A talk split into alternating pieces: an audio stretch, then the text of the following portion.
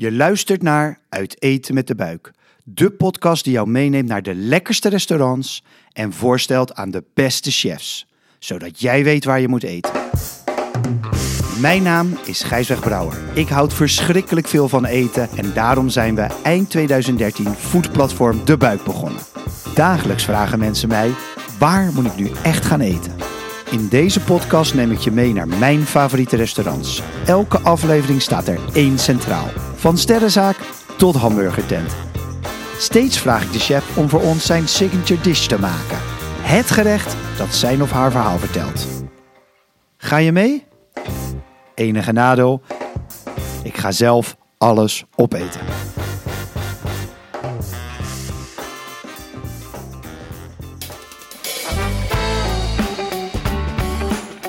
Het is winter en het is guur. Tijd voor comfortfood. Eten dat me een zetje richting de zon geeft en me even oppikt. Met een Caribische vibe. Ik weet wel een tent hier in de buurt waar we heen kunnen. Ga je mee? Zo'n bommel. Dat is wel echt eh, een beetje jammer. Een consommé. Zo mee. Tof, een beetje een scoopje dit. eh.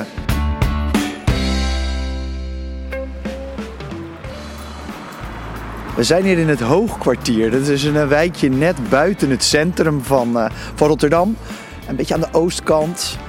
Tikkeltje uit de loop ook van, eh, van, de, van de meeste mensen in Rotterdam. Veel nieuwe horeca ook hier. En een beetje mijn, eh, mijn eigen buurtje. Dit is, mijn, dit is een beetje mijn hoed. En hier in de Hoogstraat zit eh, Coco. En daar gaan we ook langs. Op de hoek, net naast die typische wederopbouwflats, staat een kleine zaak. Helemaal open, ramen aan alle kanten. Je kijkt er eigenlijk dwars doorheen. Binnen is het roze en groen. Een jungle vibe, met veel bloemen en planten. Een bar achter in de zaak, een trap naar beneden ernaast. Ook daarin hangen veel planten. Hoe is het? Hallo. We worden begroet door Manuela Gonçalves Tavares. Maar wij mogen Manu zeggen. Zij is de eigenaresse van deze tent. Een prachtige en krachtige dame met Kaapverdiaanse roots. Belangrijkste vraag van vandaag. Wat ga je voor ons koken, Manu? Wij gaan vandaag pindasoep koken. Yes! Iconisch gerecht in Rotterdam, kan niet anders zeggen. Iedereen kent het. Oké, laten we maar naar de keuken lopen dan.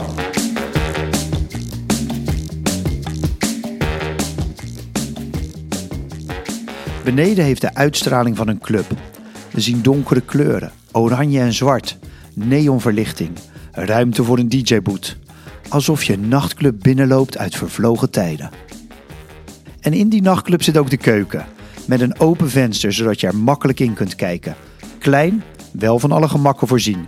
Pitten, twee werkbladen, grote afzuiginstallatie, koelkasten, achter in de spoelkeuken. Maar ik denk dat het wel eens krap kan worden hier. Ja, we stonden vorige weekend eh, met 3,5 kok en toen was het wel eh, krap inderdaad. Doe je een halve kok? Ja, eh stagiaires, Oh, keukenhulp. Maar pindasoep maken kost wel even. Dus we gaan aan de We slag. gaan beginnen met eh, wat eh pimentkorreltjes. Die doen we in de pan. Ja, we gaan een eh, vegan versie maken en een kip eh, versie. Pakken we de dolie. Ook in de pan. Zo. En dan hebben we hier de rode uien. Lekker grof gesneden. Zes rode uien. Het ziet al gelijk lekker eruit. Ik zeg 20 minuten eruit lekker al. En wat we dan gaan doen, dan pakken we de dan zo netjes, daar halen we het stilkje vanaf en die laten we heel. Die gaan er heel in. Zijn ze dan minder heet of heter als ze er heel in gaan? Maakt het niet Eh, uit. dat- dat maakt niet zoveel uit. hè. Dat maakt niet zoveel uit. Eh, nou, dit laten we even lekker gaan, even rustig.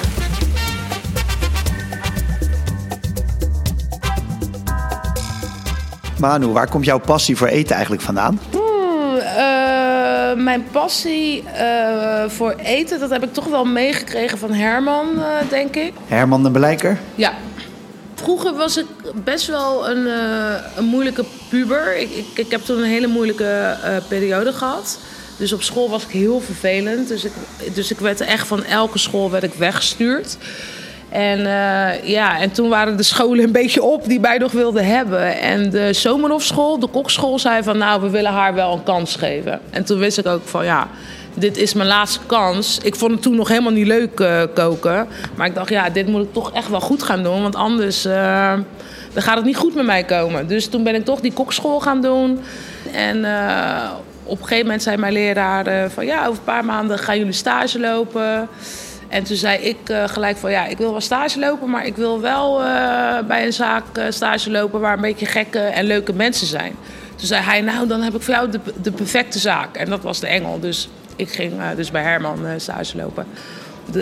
Er kwamen dan fazanten binnen, die waren, net die waren net neergeschoten. Dus die waren nog helemaal warm. En die trilden dan ook nog zo een beetje. En die moesten we dan gaan plukken. Nou, dat vond ik allemaal hartstikke spannend ik vond het ook heel tof dat ik daar werkte bij de Engel. Want in het begin had ik helemaal niet door van... Oh, dat is echt een zaak op niveau. Als je daar staat... Serieus, dat was natuurlijk een van de eerste sterrenzaken. Weet je? Ja. Dus dat had ik nog niet door. Maar de, dan ging ik met de koks, dan gingen we stappen bij de Witte Apen. En dan kwamen we binnen en dan was iedereen... Oh ja, ja, die zijn van de Engel, die zijn van de Engel. Toen dacht ik, oh ja, ja, we zijn tof, weet je wel.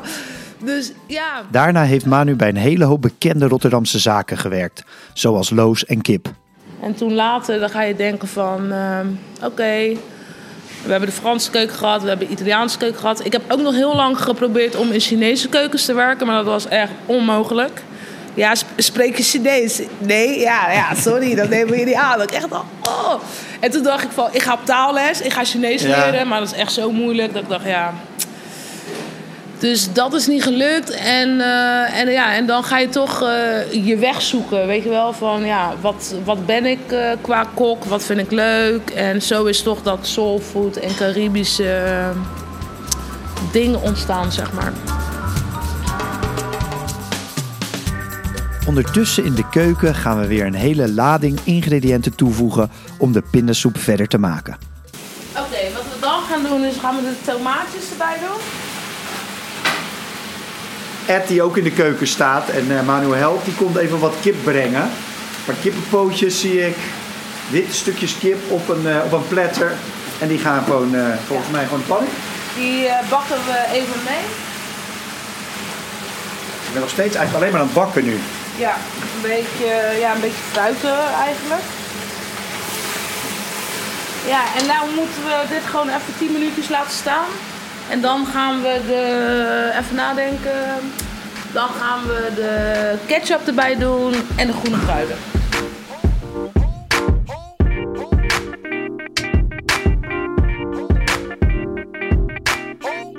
Manu is vooral bekend geworden met Toko 94 op de Witte de Witstraat in Rotterdam. Hoe kwam ze ertoe om die eigen zaak op te zetten? Nou, ik werd uh, benaderd door een vriend van mijn nichtje. Die had het idee van ja, we moeten gewoon onze eigen zaak beginnen. En uh, toen dacht ik, nou, dat wil ik eigenlijk wel. Dus toen ben ik samen met Niels en Scotty zijn we gaan zitten. Hebben we het uh, concept bedacht. Ehm, we hadden toen nog geen naam. Dat duurde heel lang voordat we een naam hadden. Maar we wisten wel van het moet soulfood zijn, het moet Caribisch zijn, het moet een beetje hip zijn. En toen zijn we naar New York geweest. Toen zijn we daar naar verschillende zaken geweest om te proeven, te eten, kijken naar het interieur, kijken naar cocktails. Um, dus daar hebben we echt wel um, ja, dingen gezien waarvan we dachten: oh, dat hebben we nog niet uh, in 010, weet je wel. En, uh, ja, en toen zijn we het gewoon gaan doen. Toen, uh, toen kwamen we een pandje tegen op Witte de Wit. Toen was uh, Witte de Wit nog heel cultureel en heel... Ja, Edgy bijna. Ja, ja, ja. veel kunst, veel... Ja, niet zoals het nu is, zeg maar. En uh, toen zijn we dat uh, gewoon gaan doen. En dat was echt uh, super leuk. we hadden hele leuke feestjes met Circle of Soul, met Guido van Dieren van, van Bird. de, de DJ's van nu, heel veel zijn toen bij ons begonnen met draaien. En zo is dat een beetje ontstaan. We zijn nu best wel een tijdje aan het bakken en het fruiten. En ik heb nog geen pinda gezien. is het niet eens tijd om de pindakaas toe te voegen aan die pindasoep? Als je in eh 20 minuutjes staan pruttelen en dan zie je dat het al een soort ingetrokken soep is geworden. En ook de, daar veel van de, de verse groenten natuurlijk een beetje verkleurd zijn. Trekt allemaal inderdaad een beetje naar het bruine toe allemaal naar elkaar. Oké, wat we nu gaan doen is, je moet de laurier, die moet je eruit halen. Want anders krijg je van die stukjes in je soep die niet zo lekker in je mond aanvoelen. En dan eh, pakt, eh pakt Manu inderdaad de, de blender erbij. De staafmixer. En dan... De staafmixer gaat gewoon door die grote pan heen, en weer. En langzaam maar zeker verdwijnen alle tomaatjes en uien. En wordt het één egale soep. Die wel wat weggeeft van een, eh, ja, een beetje modderig moerasje. Zo, en wat we nu gaan doen is, dan gaan we de kokosmelk erbij doen. Een blikje per pan. Zo. En wat we dan gaan doen, dan gaan we de twee soorten pindakaas gaan we erbij doen. Opvallend is dus, als je nu naar de soep kijkt, heeft hij al de kleur van pindakaas. Maar er zit dus nog helemaal geen pindakaas in. Er is nog helemaal Nee. niks van pindakaas in. En dit gaan we gewoon verdelen in twee. Dus hier gaat de helft in. Die Faya Lobby Ja. pindakaas, koop je die gewoon hier? Of laat je die invliegen uit Suriname? Eh, nou, die komt gewoon van een eh toko eh, groothandel, South American Food. En ja, wo- wordt dit in Nederland gemaakt? Geproduceerd voor European Oriental Merchant in Zaltbommel. Zaltbommel. Ja, uit komt het. Waar? Zandbommel. Oh, dat is wel echt eh, een beetje jammer. Mag jij niet pan roeren. Mag even stevig met de garde roeren, dat het oplost. En dit is heel belangrijk, want als je dit niet goed ehm eh, losgeroerd, dan krijg je geen mooie... dan wordt hij niet mooi gebonden. Als je begrijpt wat ik bedoel. Ja, dus je moet de pindakaas kapot slaan eigenlijk en laten opgaan in de, in de soep. Ja. Heb ik dat? Ja. Terwijl we zo aan het roeren zijn, vraag ik me af... Hoe is Manu eigenlijk bij het recept van deze pindasoep gekomen? Eh, ja, hoe, hoe, ja, de pindasoep is natuurlijk gewoon een Surinaams gerecht wat al heel lang eh, bestaat. En eh, toen wij Toko 94 eh, begonnen, dat is nu al 15 jaar geleden of zo denk ik. Toen wilden wij heel graag pindasoep eh, op de kaart. Maar we kregen het niet voor elkaar om hem echt goed eh, te maken. Dus wat hebben we gedaan? We hadden een kok, Joey. Zijn vader die woont, die woonde in Suriname. Die is toen naar Nederland gekomen om ons te leren hoe we de perfecte pindasoep konden maken. En zo, eh, The rest is history. ja. Je ziet ook de structuur van de soep, de textuur ook wel langzaam veranderen. Het wordt wat dikker inderdaad, wat steviger. Wat minder een bouillon om het zo te zeggen. En wat meer echt een, eh een consommé. Consommé.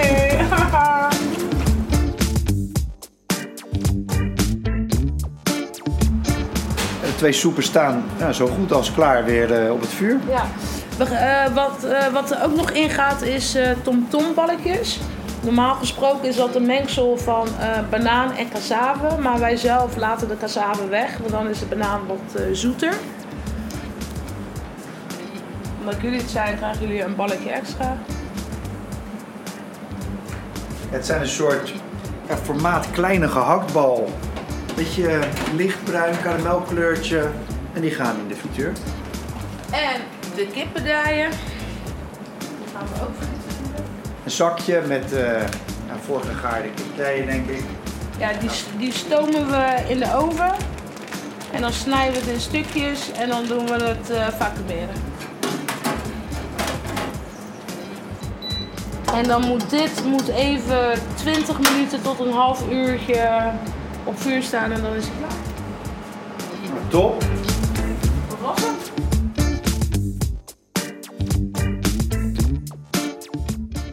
En, en wat, wat je hebt, je hebt hier boven, je hebt hier beneden, je hebt een soort, bijna een soort nachtclub hier. Wat zijn, wat zijn je plannen eigenlijk met deze plek? Eh, we gaan eh, eh, feestjes doen met female DJ's. Dat wordt toch wel onze ding dat we de female DJ's meer op de voorgrond willen zetten. Eh, wat gaan we nog meer doen? We gaan een eh, seafood bowl doen. Daar beginnen we ergens half januari eh, mee. Dus daar heb ik echt super veel zin in. Een beetje een scoopje dit. Ja, dat, dat, dat gaat echt tof worden. Dat wordt ook heel vies. Mensen mogen lekker vies worden. Dus lekker de kreeft uit elkaar trekken. Granalen pellen. Dus we gaan... Ik wil slabbekjes laten maken met coco erop. En ehm, ik wil eigenlijk... eh, ben ik ook bezig eh, met een mini soulfood eh festivalletje. Dat zou ik heel graag hier... ehm, Parkje hierachter. Ja, ja. tof. dus daar ben ik mee bezig. Dus eh, daar kan ik jouw hulp heel goed bij gebruiken. Kom maar door hoor. Maar genoeg geluld. Tijd om te eten.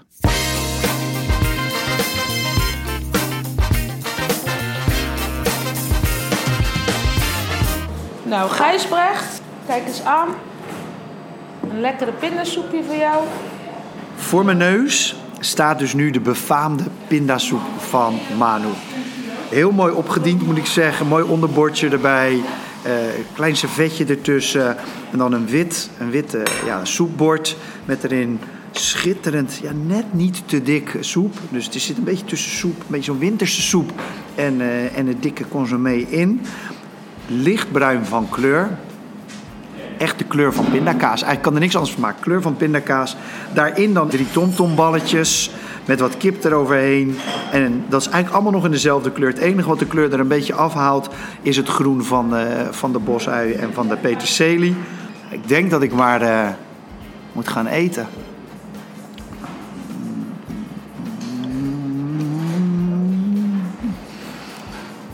De soep die smaakt natuurlijk in eerste instantie naar pinda. Je proeft die pinda, maar dan zo heel langzaam daarachteraan komt dat, dat beetje, dat peperige, dat spicy, wat hem zo typisch Manu's pindasoep maakt. En het allermooiste is, het is echt, ja, ik zou bijna zeggen, het is een soort wintergerecht. Het is comfortfood. Het is alsof een vriendin naast je komt zitten en ze slaat de arm om je heen. En je gaat heel even tegen haar aanleunen, misschien wel om een beetje te huilen. En ineens knijpt ze met de nagels in je arm. Ineens pakt hij je.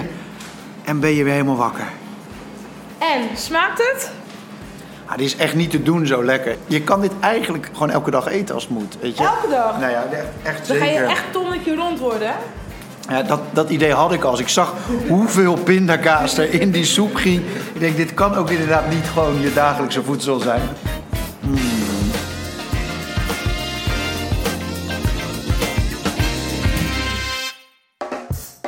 Ah, ik ben er weer helemaal bovenop. Wat een geweldig gerecht is deze pindasoep toch. Echt het comfortfood dat je nodig hebt op een dag als vandaag. Wat ik zo gaaf vind aan Manu, ze heeft alle keukens gezien. Behalve dan de Chinese. Heeft gekookt met de beste chefs en heeft echt haar eigen draai gevonden. De combinatie van Kaapverdisch, Surinaams, Caribisch en Amerikaans style. Echt geweldig comfortfood. Bij Manu moet je gewoon gegeten hebben. Mijn naam is Gijsweg Brouwer. Hopelijk vond je het leuk om uit eten te gaan met de buik. Ik vond het in ieder geval tof dat je erbij was. Wil je meer weten over Manu of Coco? Kijk dan op debuik.nl. Vergeet je niet te abonneren. Laat vooral in de comments weten wat je ervan vond en breng je best belly buddies op de hoogte van het bestaan van deze podcast. Sharing is caring. Voor nu, cheers!